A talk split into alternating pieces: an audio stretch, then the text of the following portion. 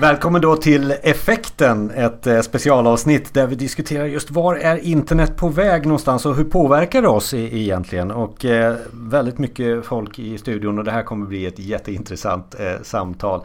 Vi har Micke som är användarexpert, vi har Johan som data och dataanalys. Vi har Andreas marknad och sen har vi Henrik med teknik och utveckling.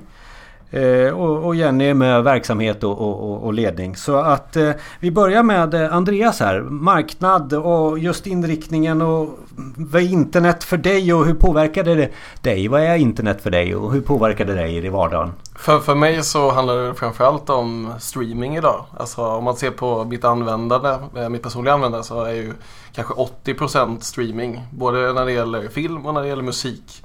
Resterande delen handlar väl om att ta, ja, till, tillförskaffa sig information egentligen.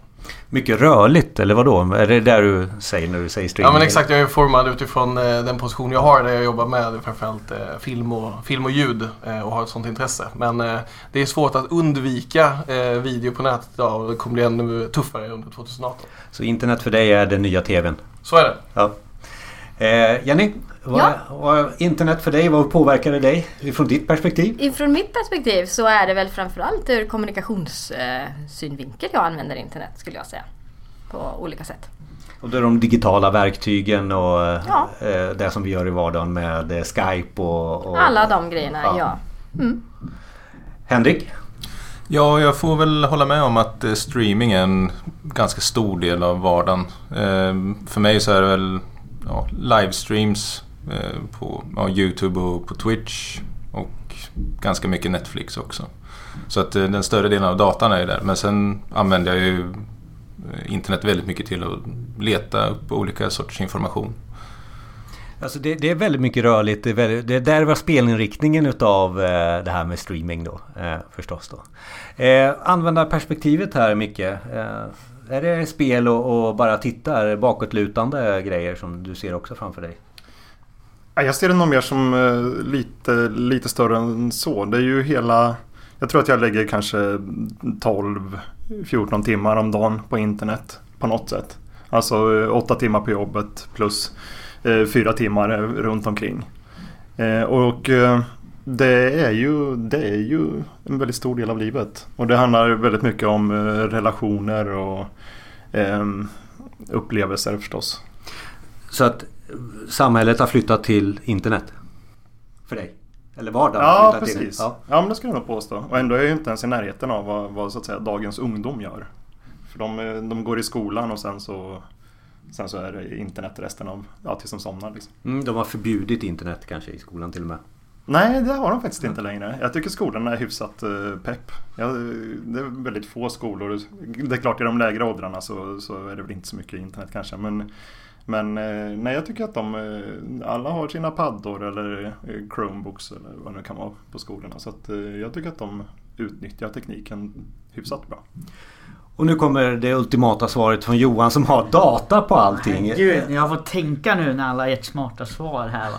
Jag vet inte, för det är väl ett verktyg för mig som utan dess hjälp skulle jag väl inte kunna betala hyran. Förmodligen. Alltså jag jobbar ju med det här dagarna i ända. Eh, och den gör också mitt liv, eller min vardag, enklare generellt.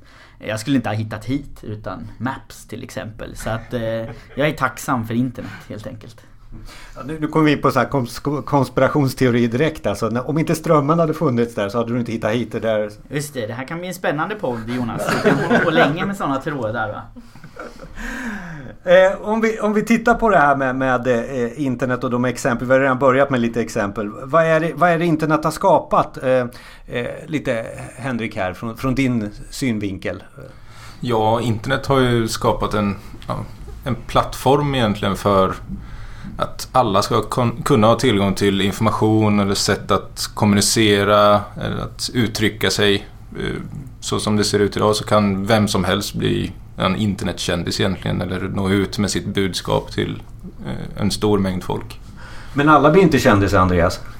Nej, inte riktigt alla, men de flesta tänkte jag säga. Det, det känns lite som att tittar man på eh, ur marknadssynvinkeln eh, då så är det ju så att jag menar influencers har ju varit ett sånt eh, ord som har florerat mer än någonsin under 2017 och eh, kommer bli ännu mer under 2018. Eh, sen är ju, eh, tycker jag, en intressant frågeställning då liksom så här, vad ger den typen av då, marknadsföring eller exponering när det gäller influencers? Då, vad ger det för effekt? då för eh, de olika företagen som, som jobbar med influencers. Eh, men helt klart så finns det fler kanaler att, eh, att bli känd genom idag än vad det har funnits tidigare. Och det kommer bara bli fler och fler. Och all, den, all den här möjligheten och plattformarna och så här eh, Micke, blir man inte stressad som användare att man alltid måste finnas med och göra allting och vara kändis eller vad det nu var vi tog upp här? Eller är det så att man kan vara lugn och sansad i en, en ny infrastruktur? Eller? Ja, bra fråga. Jag tror att eh, jag tittar lite grann på mina barn i det läget och de har ju eh, Ehm, de har ju ett antal kommunikationsvägar, alltså Snapchat och Instagram och, vad det kan vara. Då, eh, som de har med sina kompisar och i ganska små gemenskaper. Ehm, men i övrigt så är det väldigt mycket konsumtion snarare än produktion. Eh, Precis, men det är kluster också så det är inte det här man kanske inte ser det stora utan man, man har kompisgänget liksom. Ja det är det. Men mm. sen behöver inte det vara geografiskt bara de i klassen eller de i, i staden eller så. Mm. Utan det kan vara spridda. Jenny, är det en begränsning att vi ser för lite? Vi ser bara våran avdelning eller vi ser bara våran grupp eh, när vi jobbar. Eh, tänker, vi för, tänker vi verkligen worldwide när, när vi jobbar numera? Nej, det skulle jag nog inte säga att vi gör. Utan vi håller det nog ganska stuprörsaktigt fortfarande. Vilket jag kan tycka är lite synd. Och vad beror det på? Ja, det beror nog på olika hierarkier och hur man är van att jobba tror jag. Jag tror inte man riktigt har hunnit med hela tiden i vad, hur man faktiskt kan jobba med samarbetsytor till exempel. Nu kommer vi in, är det en generationsfråga? Det tror jag absolut att det kan vara. Mm. Mm, för jag håller ju med Micke där. Det är stor skillnad på jag ser hur mina barn jobbar mot hur jag som ändå tycker att jag är ganska teknik eh, och sen jämför jag med hur min mamma och pappa jobbar. De har ju inte en susning att hänga med på någonting egentligen. Så det tror jag absolut. För det kommer del... säkert ändra på sig när våra barn växer upp. Det tror ja, för din del. Vi har ju upplevt en värld utan internet. Mm. Så, så, så gamla vi är. Men, men Henrik här, du har touchat att det alltid funnits internet. Nästan i alla fall. Ja, sen tonåren i alla fall. Ja. Det började ju med de gamla 56k modemen och då var det inte så jättemycket internet. Då en liten del av internet bara. men, men, jag upplever att vi är, du är lite mer än vi fastnat med mobil i handen så.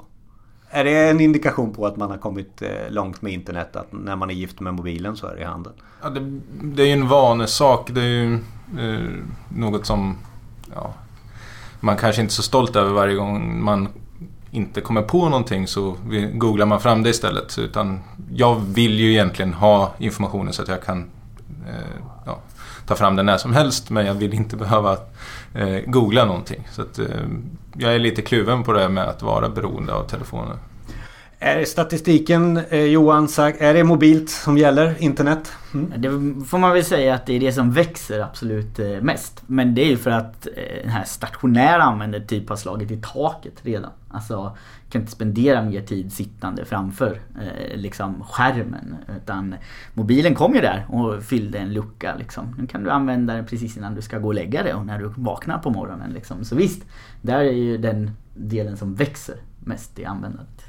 Ja, men om, jag, om jag hoppar in här så tänker jag så här också inför, inför nästa år och framåt också att eh, jag tror att vi kommer också problematisera det här mer och mer under de kommande åren. Att fram tills nu så har man verkligen sett det som liksom ett verktyg och någonting som man verkligen kan...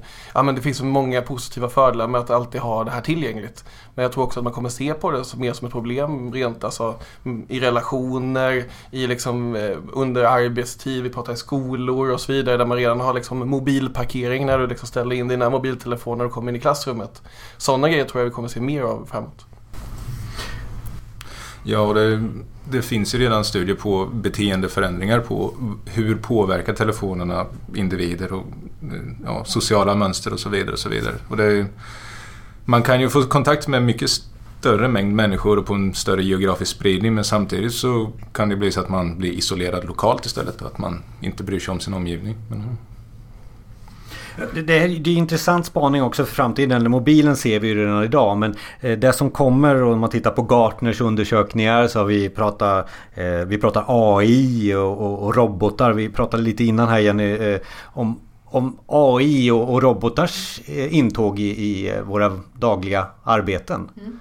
Vad har vi där för någonting att förvänta oss utav internet och robotar? Och... Jag tror vi kan förvänta oss det mesta. Jag tror inte jag sett det riktigt än vart det är på väg faktiskt. Nu är det ju väldigt liten skala. Det jag har kommit i kontakt med är ju mer att man kanske byter ut vissa funktioner, manuella funktioner till att göra. Men jag tror att du kan få de där robotarna till att göra nästan vad du vill. De kan ersätta en bokförings... Absolut, de kan ersätta, ja. ja det tror jag. Var, var är vi där i tid? Är det någon som har någon relation till... Eh, eh vi pratar om AI eh, bara. Ja, men jag tänker, det senaste jag hörde, eh, som att jag jobbar ganska mycket med, med ljud då, hur man jobbar med, med ljud och musik och sådana saker, så är ju liksom, alltså det här röststyrningsdelen, alltså digitala butlers och så vidare, så det ligger ju, alltså där är vi ju idag, det är bara att de blir smartare och smartare. Så att jag tror alltså, det handlar väl mer om att komma in i hur ska vi använda och hitta användningsområdena för de här, den här typen av hjälpmedel. Kommer vi bli ointelligenta som användare mycket när AI tågar in? Kommer ja absolut, men det tror jag det är en risk med, med internet i, i stort. Eh, att det som får genomslag är oftast det som är förenklat till en sån grad så att alla kan förstå det. Eh, vilket gör att man, är, man behöver inte eh, anstränga sig eh, särskilt mycket. Människan är relativt lat, det är klart att vi är nyfikna men, men eh, föds man upp eh, i ett tillbakalutat läge där man blir matad utav Netflix och Youtube och eh, får allting serverat så att säga. Då är man ganska oförberedd sen på att när man ska göra någonting som man har sett de andra, eh, till exempel på eh, Youtube, göra. Så misslyckas man. Eh, för de som har, visar upp någonting, de har ju tränat eller de är skådisar eller vad det kan vara. Så att jag, jag tror att eh, jag tror det finns en stor backlash där. Liksom. Den här ointelligensen, kommer den fram i någon statistik också Johan? För att jag vet att jag jobbade med någon, någon, någon tidningssajt och det, det, det sökordet alla sökte på det här är nog eh, liksom koppling till ointelligens då. Eh, det var namnet på tidningen. Det var sökordet man använde i deras sökmotor. Jag kan inte svara för de här användarna eller den datan du jobbar med Jonas. Men eh, den här mognaden är väl en hälsosam sak. Alltså att vi börjar använda teknik smartare. Att vi börjar ifrågasätta hur vi använder den och de budskap vi tar till oss. Så det, det är väl ett tecken på att vi blir vuxnare i vårt användande. Senaste Svenskan och internet visade till och med att kidsen var bättre på källkritik än vad de vuxna var. Eh, vilket ger en hopp här då inför eh, kommande valperiod också. Eh, men sen när det kommer till eh, internet som sådant, den, eh, den funkar ju bra när den gör livet enklare. Och AI och robotar har ju potentialen att göra det också. Va? Eh, och det ser jag väl eh, som en trevlig framtidsutsikt. Va? Men, men för den sakens skull ska vi inte tappa fattningen liksom. Och, Eh, Eh, så att det är väl det här två, två perspektiv. Ja. när det kommer till AI så är det ju så att de delar som AI kommer börja jobba med, det är de här tråkiga delarna i, ja, om man kollar över alla yrkesgrupper egentligen, så kommer AI plocka bort de tråkiga delarna som dokumentation och väldigt repetitivt arbete. Så att det, det kommer ju påverka arbetsmarknaden ganska stort, men vi kommer att få effektivare arbetare på de de mer kreativa delarna i varje, inom varje yrke. Så det känner jag en, kommer att bli en ganska stor del. Men det är väl positivt? Det är väldigt, väldigt positivt. Mm. Men sen får man ju se hur långt det sträcker sig efter det här. För att tekniken är ju bara i sin vagga än så länge. Och nu kommer vi in på lite, vi hade, du och jag hade en diskussion också här. Det, det är troll på nätet, det är massa fake news som våra presententer runt omkring i världen säger. Nu kommer vi in på lite av det här. Finns det en avigsida av allting det här som vi pratar om också? Ja, det finns ju en ganska stor negativ del. För det, det är relativt lätt att skriva en, en AI-bot som eh, ja, går runt på olika sajter och skriver eh, inlägg, kommentarer, lägger upp fejkade artiklar, styr folks åsikter helt enkelt. Och det behöver inte bara vara bottar utan det kan vara eh, grupper med människor som sitter och bara riktar in sig på det här. Ehm, så där när AI blir lite smartare och kommer förbi de här lätta AI-filtrerna vi har idag som Captcha till exempel så kommer vi få en ökad mängd, tror jag, på internet där det kommer vara bottar som pratar mycket mer på sociala medier och så vidare. Står du för det här fake news, eh, Andreas, som är marknadsmässigt? Jag ska jag stå till svars för det här? Eh, men jag kan vända på det lite och säga vad, alltså, om man tittar på eh, ja, men det som Johan säger här då, liksom att man blir mer och mer källkritisk och så vidare. Alltså jag tycker så här, ja, men det vi tar med oss från 2017 framförallt om man tittar på internet och det genomslaget så är det ju metoo-kampanjen. Det genomslaget den har fått och eh, liksom, det den har byggt. Eh, det är ju liksom en positiv följd över liksom, säga, internets möjlighet att lyfta fram eh, andra saker och, och, saker som behöver lyftas. Eh, men sen behöver vi vara källkritiska i det också. Eh, och där gäller det att, hitta verktyg som gör att vi blir ännu bättre på att sålla. Eh, sen hur de ser ut, det, vet inte jag idag men jag kan ändå se de här, de här grejerna. Har metoo varit po positivt Jenny? Både och tror jag faktiskt. Jag tror att det har kommit... Ja, det är klart att det har varit mest positivt. Vi måste ju lyfta det här såklart, självklart. Det är inte okej att det fortsätter som det gör. Men vi kanske inte, vi... pratar om kampanjen i sig kanske. Nej men jag tror faktiskt att... Så. Ja, jag mm. tror att det har varit en del negativa sidor med metoo också. Det tror jag. Mm. Eh, analysen utav allt negativt då här. Eh, du får ta, stå, du står för facit här Johan. Men på något sätt, nej men det, det är inte det. Utan hur filtrerar vi bort allting som är fake? Alltså det som är, är AI-genererat, som är ryssarna, som är... Ja. Jag tror först så måste man väl börja med sig själv. Det handlar väl om hur vi tar till oss budskap generellt. Och här är det ju så att vår hjärna triggar ganska fort liksom. Eh, utan att vara källkritisk mot det budskapet som vi får presenterat framför oss. Eh, trots möjligheten att gå och faktachecka det vi ser så gör vi inte alltid det heller. Eh, så en annan inställning där kring det man läser och en ökad liksom kännedom om att det här eh, måste jag, det här jag läser måste jag utsätta för någon typ av kritik och faktakoll. Det är någonstans där man måste börja tror jag. Sen så finns det ju massor vi kan göra med teknik för att förebygga det också såklart. Men det kommer alltid komma ner till oss som individer också och hur vi tar till oss budskap. Mycket hur lär vi användarna då? Eller oss? Ja, det gör man nog relativt tidigt skulle jag säga. Det är väl det som, som har visat sig att man, man lär sig det i skolan. Man eh, det, det, vi gjorde när vi var små var att vi, vi skrev små berättelser och, och, små uppsatser. Men idag kallar de det för att forska även på, på lågstadienivå. Då. Eh, och forskning innebär ju att man ska vara källkritisk och, och fråga sig varför och eh, vem påstår det här. Så att jag tror eh, Nej, jag, jag, tror att det handlar om, om det i första hand. Vi, det finns nog säkert någon förlorad generation här som tyvärr. som, som kommer... Tittar du på? Jag ja, precis. Nej, jag tittar inte på dig. Men, men, eh, jag brukar ta en sväng ut i, i högerträsket ibland. Och, eh, det, det, är mycket konspirationsteorier och det är mycket snabba eh, åsikter och påståenden som kommer upp i luften. Och det räcker att ett rykte kommer igång det är i och för sig detsamma även med metoo där att eh, hänger man ut någon med namn där så då är den, den personens rykte ju förstört för evigt eh, även om han eller hon inte är skyldig då. Eh, Henrik, du brukar ha där eh, lite åsikter just om det här. Mm. Ja, jag känner ju det att källkritiken eh, ja, måste man ju ha med sig. Speciellt nu eh, om man kollar på sociala medier så har vi det här fenomenet med informationsbubblor till exempel. Där sånt som du tycker är positivt och du gillar, det matas du med vidare. Sen så kanske du överöses med så mycket eh, information så att du inte blir källkritisk till det utan du tar åt det där som om det vore fakta på riktigt. Och det är också farligt för att det, ja, det bildar ju eh, uppdelningar i befolkningen till exempel. Största är väl eh, amerikanska valet senast nu skulle jag väl tro. Där eh, ja, flödena såg ju helt annorlunda ut beroende på vilken sida som du lutade mot i princip. Jo men det, det blev ju lite så här klubben för inbördes beundran. Alltså jag, ty jag, tycker till och med till de som prenumererar på en papperstidning idag. Det är ju lite överklass runt om. Ja, bättre ord finns säkert. Eh, men det är ju ett kluster utav intresse. Eh, de digitala drakarna eh, Google de, de bestämmer ju oftast vad du ska få se. Och det är också eh, eh, ett kluster utav saker. Kommer det här bli en sanning för alla? Eller är det en sanning? För mig är det liksom när jag går in i mitt YouTube-flöde så är det ju bara det jag är intresserad utav. och inget nytt. Ja, nej men det, det är superintressant. Alltså just det, för, för det man kan se nu, alltså, jag kollade på vad som trendade på YouTube innan vi gick hit. Och då var en av de topp 10 mest eh, spelade klippen medborgarjournalistik till exempel. Som är twistad åt ett eller annat håll.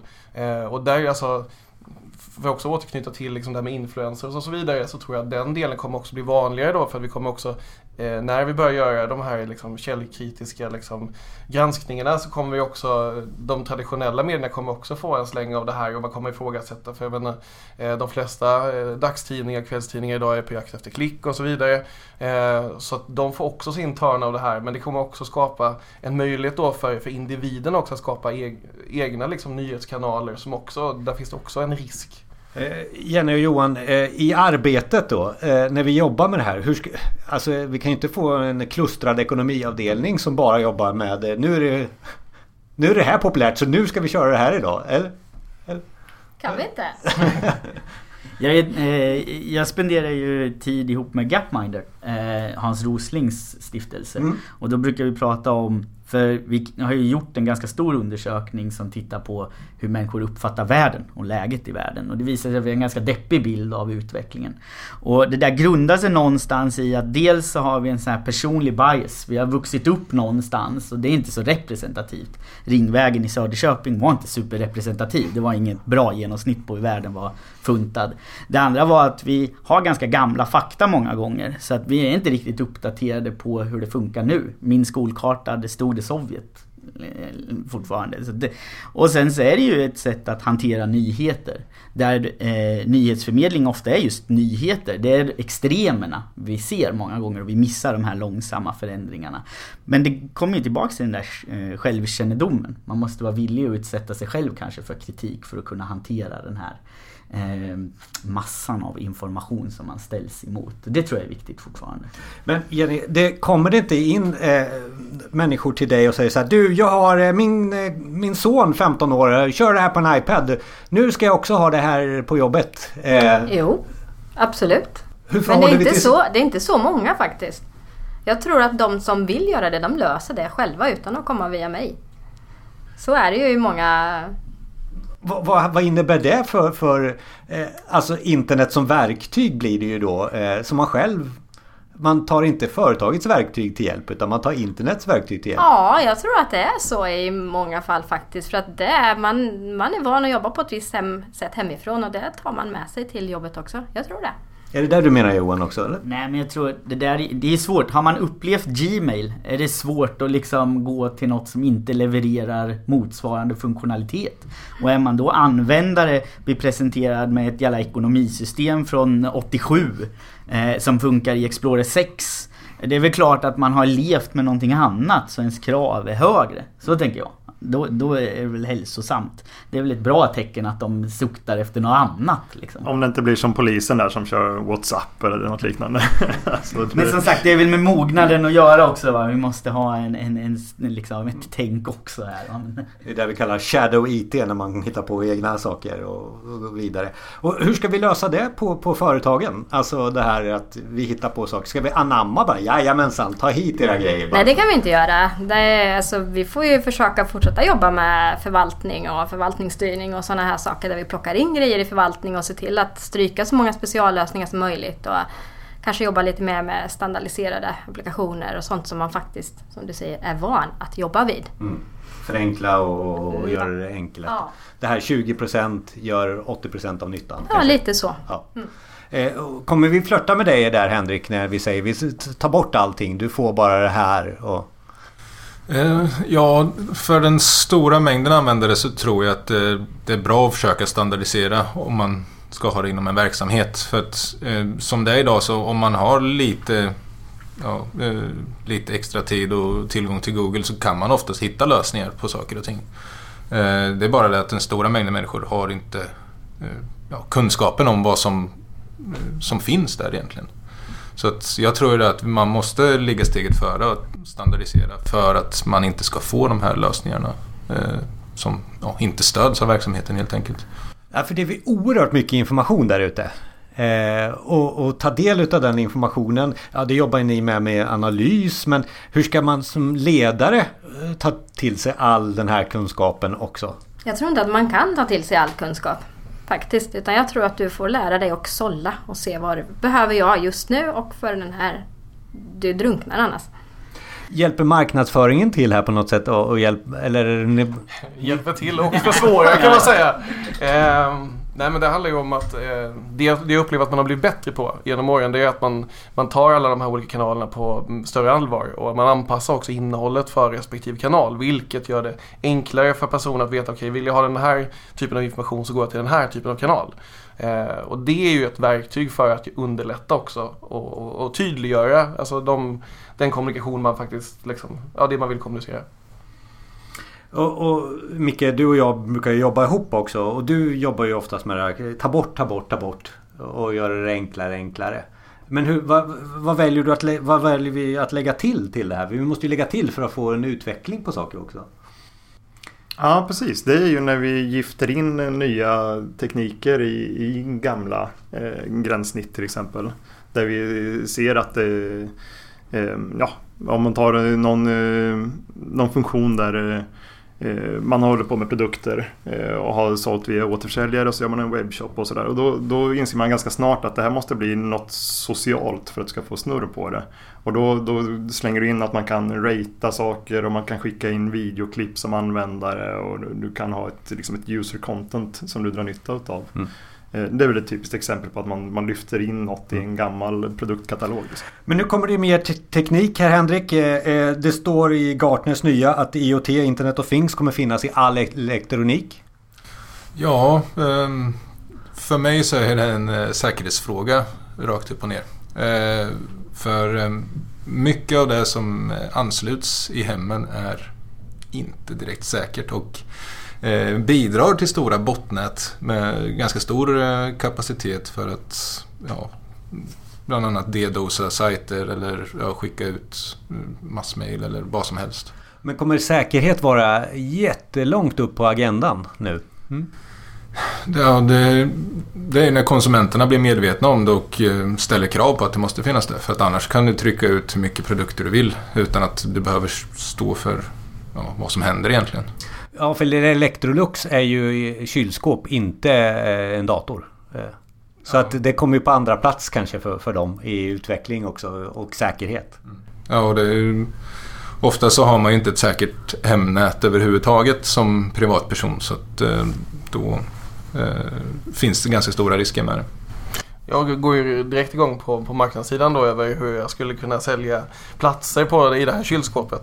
Eh, jag förstår ju alltså problematiken kring, kring säkerhetsfrågan men jag ser också möjligheten för en sån eh, sånt företag som Electrolux att kunna liksom sälja eh, utrymme till ICA eller till Coop eller vad det nu kan vara, Citygross. Att när du väl behöver mjölk så är det de som levererar det och att det finns som förval. Precis som när jag i min Sonos eh, anläggning hemma kan jag liksom välja vilka appar om jag vill och liksom lyssna via Spotify eller vad det nu kan vara. Eh, så, så, tror jag också att den typen av funktioner eh, kommer också möjliggöra utvecklingen av produkterna för att ja, andra typer av företag som har intresse i de här produkterna kommer gå in med pengar och liksom titta på, på de möjligheterna. Det är ju inte säkerhet som driver den här eh, utvecklingen om man säger så. Utan säkerheten kommer ju släpande i, i andra hand. Det gäller ju drönare eller vad som helst. Alltså det, lagar och, och trygghet och allt sånt kommer ju i andra hand. Det är ju, vi har ju andra behov som, som eh, eldar på det här. Liksom. Men, men, framtiden här nu då, vad är vi på väg eh, Johan? Alltså Gartner återigen i min, mina anteckningar här. Sök, sök, sök står det där. Det står nu att man adderar visuellt sök och röstsök. Eh, är, är internet sök i framtiden? Det, är, det, här är svårt för en analytiker eftersom det är så mycket osäkerhet i den här kalkylen vad framtiden är va Jonas? Men eh, man kan väl säga så att det är väl eh, det här interfacet som en stationär dator är. Att man måste liksom ta sina händer och så skriva på ett tangentbord och sådär. Det är ju lite märkligt om man tänker efter. Alltså det, det tvingar oss att vara på ett ställe och det liksom begränsar oss ganska mycket. Så att ha andra sätt att interagera med internet. Eh, det, det, kan man nog tänka sig att det, det är nog inget dåligt bett att eh, det kommer utforskas mer under nästa år också. Jenny, framtiden, internet? Ja, jag håller nog med Johan lite där faktiskt att vi är även om vi är väldigt mobila så tror jag att vi kommer ställa ännu mer krav på mobilitet och de verktygen som finns att tillgå där faktiskt. Mobilt och sök. Ja, men jag tänker om man en omvänd resa, om jag har växt upp med mobil. Då blir det en jävla begränsning när jag helt plötsligt måste sätta mig ner framför en dator för att göra det jag vill göra. Så att där kan man väl hoppas på att användare också kan vara med och driva på den utvecklingen. Mm. Ja, det, för det är ju samma som jag ser kanske i arbetet. Det är ju väldigt många som vill utföra sitt hela arbete via telefonen. Man vill inte sitta på en fast plats utan man vill kunna vara på resande fot. Det är mycket möten på väg och det, så jag, jag tror också att det är åt det hållet. Eh, ja Henrik, är det bara troll i framtiden för dig? Nej, kanske inte. Nej, förhoppningsvis är det inte det. Eh, men ehm, just nu så känns det som att det är ett svårt problem att komma runt för att eh, oavsett om man använder eh, trollfarmar eller om man använder bottnät så är det ganska svårt att identifiera problemet. Och det här är en ganska stor punkt man måste ta tag i för att det här påverkar ju det politiska läget i världen över, överlag. För så som har sett i det amerikanska valet, i det franska valet så pushas vissa kandidater fram och i vissa, vissa fall så drivs folkgrupper mot varann utan att man egentligen ser något slags mål bakom det. Vad kommer hända, hända i det svenska valet? Eh, förhoppningsvis så eh, har ja, svenskarna är överlag ganska långt fram när det kommer till internet. Eh, så vi har förhoppningsvis bättre källkritik och att vi har, kan se igenom det på ett bättre sätt. Men det kommer ha en inverkan oavsett vad vi gör. Jag bara en segway till Johan igen då. Är det så? Med... När det kommer till svenskarnas världsbild så kan man inte säga att den är mycket bättre än många andra. Utan den är ganska deppig till exempel fortfarande. Vilket tyder på att vi kanske inte är sådär jätteslipade på, på att liksom eh, följa vad ska man säga, vad som faktiskt händer. Så jag tror att vi har en jätteutmaning. Men jag tror inte att det var det du sa, att det liksom kommer bli lätt här. Va? Utan jag tror att det är en jätteutmaning i och med valet. Där får man nog både eh, jobba både högt och lågt tror jag, för att hantera det. Andreas, eh, framtiden och internet för dig verkar ju vara som bara en öppen eh, plan med alla möjligheter. Ja men så är det men det är, det är ju också liksom eh, väldigt stora utmaningar också eftersom att det, det, handlar om en ökad medvetenhet för respektive kanal. Att ta det här på allvar, att man då som när det gäller marknadsföring att, liksom, att vara medveten över att man behöver, alltså man kan inte bara liksom sopa Snapchat under mattan utan man måste också titta på vad är det den, den typen av kanal gör, vad kan det göra för mig, vad är det jag vill liksom kommunicera. Precis som när man analyserar traditionella medier och gör den typen av köp eh, så måste man också se på de digitala och sociala eh, medierna. Eh, idag så bara klumpar man ihop dem fortfarande. I många Ny, nyfiken, framtidsspaning. Vilken plattform? Marknadsföringsplattform? Jag tror inte på en plattform. Jag tror alltid på, på mixen. Eh, så att man måste titta på flera plattformar och hitta istället vad vill jag säga på respektive plattform och skapa strategi utifrån det. Där tror jag Andreas har helt rätt också. För att eh, Eh, det är fel att tänka vilken, utan hur ska jag använda de här olika verktygen på bästa sätt. Och det är väl det vi ser, de som lyckas bäst. Det är de som förstår styrkan i de olika och utnyttjar styrkorna på bästa sätt. Jag tror, jag tror också den där frågan som ni ställde lite tidigare om att ja, vad kommer AI exempelvis att göra? Ja men det kommer ersätta en person. Här kan man nog tänka att det kommer göra helt andra saker. Vi tänker ju på hur vi utför vissa uppgifter med det mindset vi har idag. Medan det här är teknik som verkligen kan förändra hur man genomför olika typer av uppgifter. Eh, vilket är superspännande. Men det gör också att man har en nackdel av att ha för mycket bagage med sig. För det gör att man kommer vara hemma. I bästa fall så kommer man på att ja, vi kanske kan ersätta någonting. Istället för att tänka hur kan vi skapa helt ny business på det här. Eh, och det är dels de som har lyckats använda internet spännande ta som de här jättarna.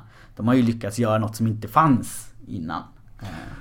Jag tycker Johan var inne på någonting, någonting där att uh, saker som inte, inte finns idag eller som, inte, som man inte haft en susning om. Och jag tycker att mobiltelefonen är en sån sak som nu känns man förstår ju att man kommer skratta åt den om, eh, om tio år. Alltså vem går runt med mobiltelefon på stan och håller upp den och ser knappt vart man går och så vidare. Det, det, det känns ju pinsamt idag så frågan är, så det, det, det, tror jag definitivt, den måste vara helt rökt om, om tio år. Men, men det, de, jag tänker de också som säger att de är mobila som så här langar upp laptopen på tåget och liksom ska... ja, det är också, Också en sån grej man kanske kommer skratta åt Ja, här måste man göra. Mm. Men å andra sidan då så, så tänkte jag på det. Ja, men vad, vad är alternativet? Och jag, jag ser ju inte alternativet idag. Utan jag tänker så här, ja ni vet VR och AR och sånt som man, vi tyckte det var ascoolt 95 och vi tyckte det var rätt så coolt förra året också. Och det, det, det var väl det vi pratade om på en spaning kanske förra eller förra, förra året. Men vad, vad händer med VR och AR liksom? Det är väl ingen som går runt med några coola briller på stan. Ska du ha, det, ska du ha skärmen i brillorna sen Jenny? Du har ju som har solglasögon på dig. Ja, nej det tror jag inte. Nej, säger du det? Ja.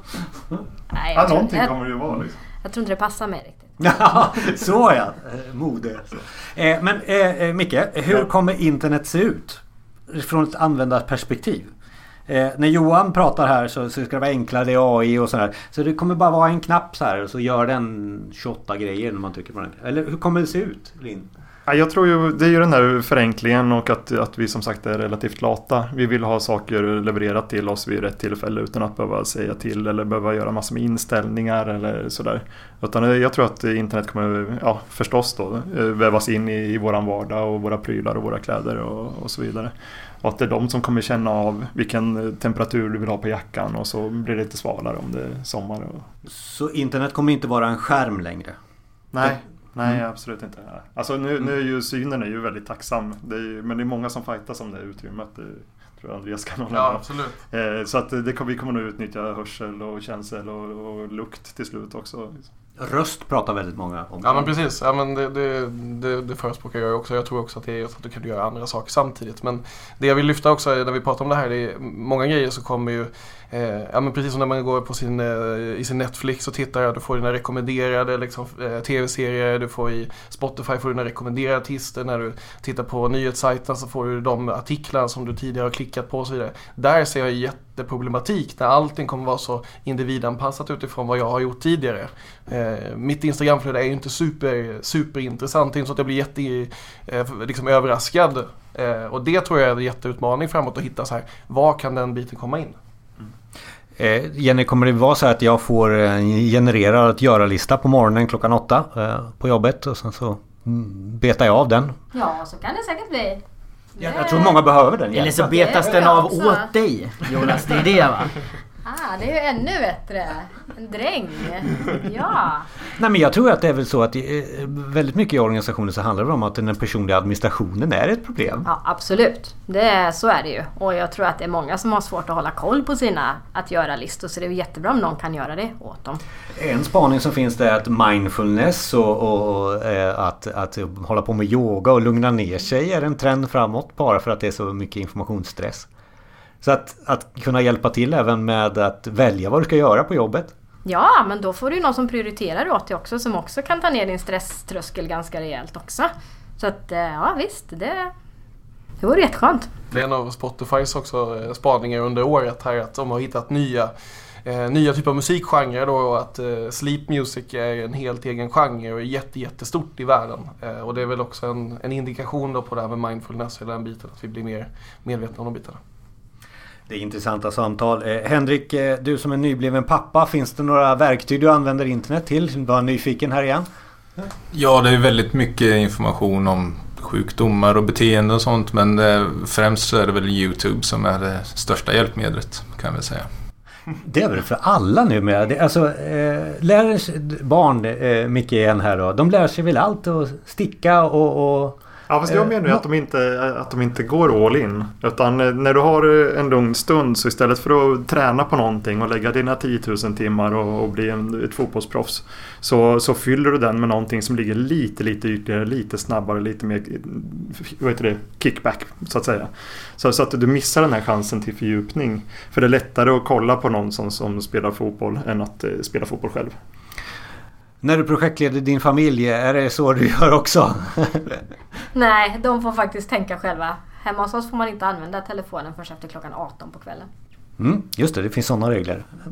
Ja, det, det beror lite på vilken nivå man hamnar på också. För det, eh, så som jag ser det just nu för ja, min son som är åtta månader nu så ser jag det som språkutveckling och så vidare. Så att på det sättet använder jag Youtube nu. Men eh, Sen att sitta och slökolla på saker och ting, det kommer ju inte ha samma effekt i framtiden. Jag tänker också, lite sån här luthersk inställning att allt ska generera nytta. Att de ska lära sig liksom kinesiska så fort de öppnar YouTube. Alltså, vi människor älskar ju bara ha roligt. Alltså bara eh, få flyta iväg och göra ingenting i två timmar. Så man ska nog inte underskatta styrkan i de tjänster som erbjuder just det. Eh, och där tror jag att Youtube gör ett alldeles lysande jobb också. Sen kan man väl såklart hoppas att, ah, men shit det här samtidigt så ska du ju lära dig något också. Men eh, man ska aldrig underskatta den här drivkraften hos människor att bara få eh, slappna av lite och inte göra så mycket. Eh, Micke, en runda här då. Var är internet på väg lite kort bara för dig nu? Mm? Jag passar den bollen vidare. Var är internet på väg? Ja, det är, det är ju en supersvår fråga. Men, eh, men jag tror att det handlar om att vi, vi kommer bli mer och mer medvetna. Vi kommer vara tvungna att bli mer och mer medvetna om vi ska liksom, eh, fortfarande se det som ett positivt verktyg. Henrik? Jag ser det mer utifrån att vi står vid ett ganska stort vägval just nu där vi har ett fritt öppet internet på ena sidan och ett väldigt nedstängt begränsat internet på den andra sidan. Och det här är ja, baseras på gamla eh, strukturer som vill dra ner friheten och försöka tjäna så mycket pengar på internet som möjligt. Um, och det är väldigt svårt att se vad som kommer hända inom de närmaste åren där. Är det en intressant framtid? Ja, det är en intressant framtid för att det kommer kräva olika sorters lösning beroende på vilket vägval man tar. Jenny, var är internet på väg någonstans?